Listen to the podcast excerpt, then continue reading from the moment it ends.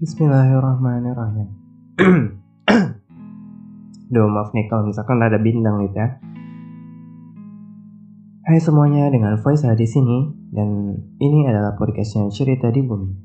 Alhamdulillahirobbilalamin. Segala puji bagi Allah Rabb semesta alam yang telah memberikan kepada kita semua kenikmatannya. Sehingga sampai hari ini, detik ini, kita masih diberikan kesehatan. Oke, di kesempatan episode podcast kali ini, aku bakal bacain sebuah cerita inspiratif. Aku dapat dari sebuah web yang judulnya adalah Ibu dengan Satu Mata. Selamat menyimak ya teman-teman. Jadi, gini ceritanya.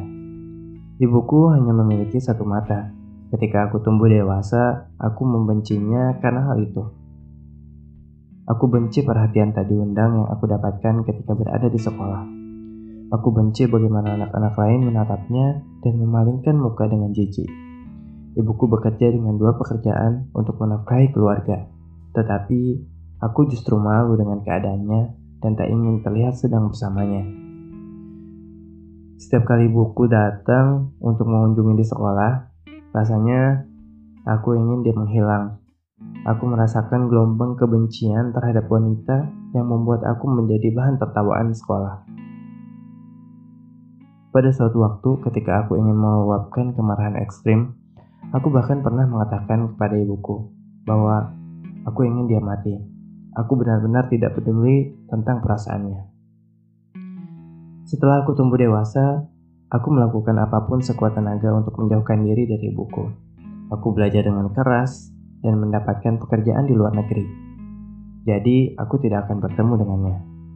Aku menikah dan mulai membesarkan keluargaku sendiri Aku sibuk dengan pekerjaan dan keluarga demi menyediakan kehidupan yang nyaman untuk anak-anakku tercinta.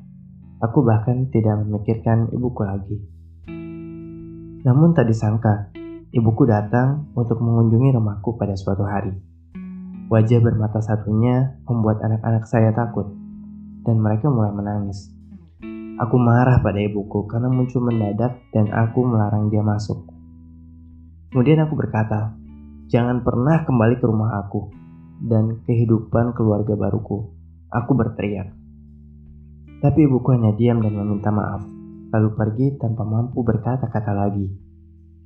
Pada suatu ketika, sebuah undangan untuk reuni sekolah tinggi membawaku kembali ke kampung halaman setelah puluhan tahun lamanya. Aku tidak bisa menolak berkendara melewati rumah masa kecilku dan mampir ke gubuk tua tersebut tetanggaku mengatakan kepadaku bahwa ibuku sudah meninggal dan meninggalkan surat untukku. Beginilah surat yang ditulis ibu. Anakku sayang, ibu harus memulai surat ini dengan meminta maaf karena telah mengunjungi rumahmu tanpa pemberitahuan dan menakuti anak-anakmu yang cantik. Ibu juga sangat menyesal karena ibu adalah wanita yang memalukan dan sumber penghinaan bagimu ketika kamu masih kecil sampai tumbuh dewasa. Ibu sudah mengetahui bahwa kamu pasti akan datang kembali ke kota ini untuk reuni sekolah. Ibu mungkin tidak lagi berada di tempat ini ketika nanti kamu datang. Dan ibu berpikir itu adalah waktu yang tepat untuk memberitahumu sebuah insiden yang terjadi ketika kamu masih kecil. Tahukah kamu, anakku sayang, kamu mengalami sebuah kecelakaan dan kehilangan satu mata. Ibu sangat terpukul karena terus memikirkan bagaimana nasib anakku apabila anak ibu tercinta tumbuh hanya dengan satu mata. Ibu ingin kamu dapat melihat dunia yang indah dengan sempurna. Jadi ibu memberikan padamu sebelah mata ibu. Anakku sayang, ibu selalu memilikimu dan aku selalu mencintaimu dari lubuk hati ibu yang terdalam. Ibu tidak pernah menyesali keputusan ibu untuk memberikan mata ibu, dan ibu merasa tenang ketika ibu mampu memberikan kamu kemampuan untuk menikmati hidup yang lengkap dari ibu tersayang. Setelah membaca surat dari ibu, air mataku menetes. Aku sangat menyesal. Diriku selalu menyalahkan diriku sendiri. Mengapa Mengapa dulu aku tidak pernah sedikit pun bersikap baik pada ibu? Aku bahkan tega menghilangkan dirinya dari kehidupanku. padahal ibu selalu ada untuk membantuku. Nah itu dia teman-teman ceritanya. Menurut kalian apa sih yang bisa didapat dari cerita ini? Aku sedikit apa ya sedikit mengulas apa sih yang bisa kita dapatkan gitu ya. Di sini kita tahu kalau misalkan kasih sayang seorang ibu itu sepanjang masa. Ya kan kita tahu sebuah pepatah, pepatah atau kutipan ya, yang isinya kasih ibu itu sepanjang masa, kasih anak itu sepanjang jalan. Jadi jangan pernah lah kita menyakiti perasaan orang tua kita karena kita nggak pernah tahu apa aja yang telah dilakukan oleh orang tua kita sehingga kita menjadi seperti sekarang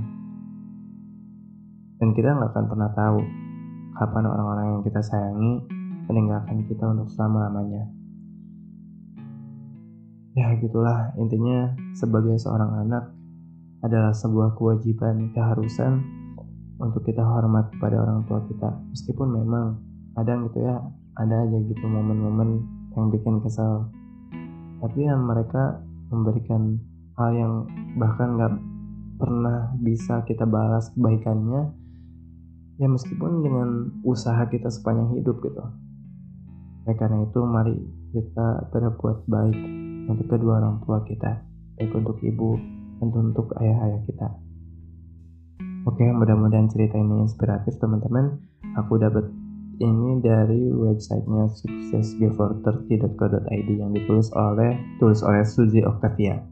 Kayak gitu aja mungkin itu aja mungkin cerita untuk podcast kali ini. Silahkan sebarkan jika memang podcast ini bisa bermanfaat untuk teman-teman dan teman-temannya teman-teman. Kayak. Akhir kata seperti biasa, keep positive and stay curious. Sampai jumpa teman-teman di podcast selanjutnya. Mohon maaf apabila ada kesalahan. Wassalamualaikum warahmatullahi wabarakatuh.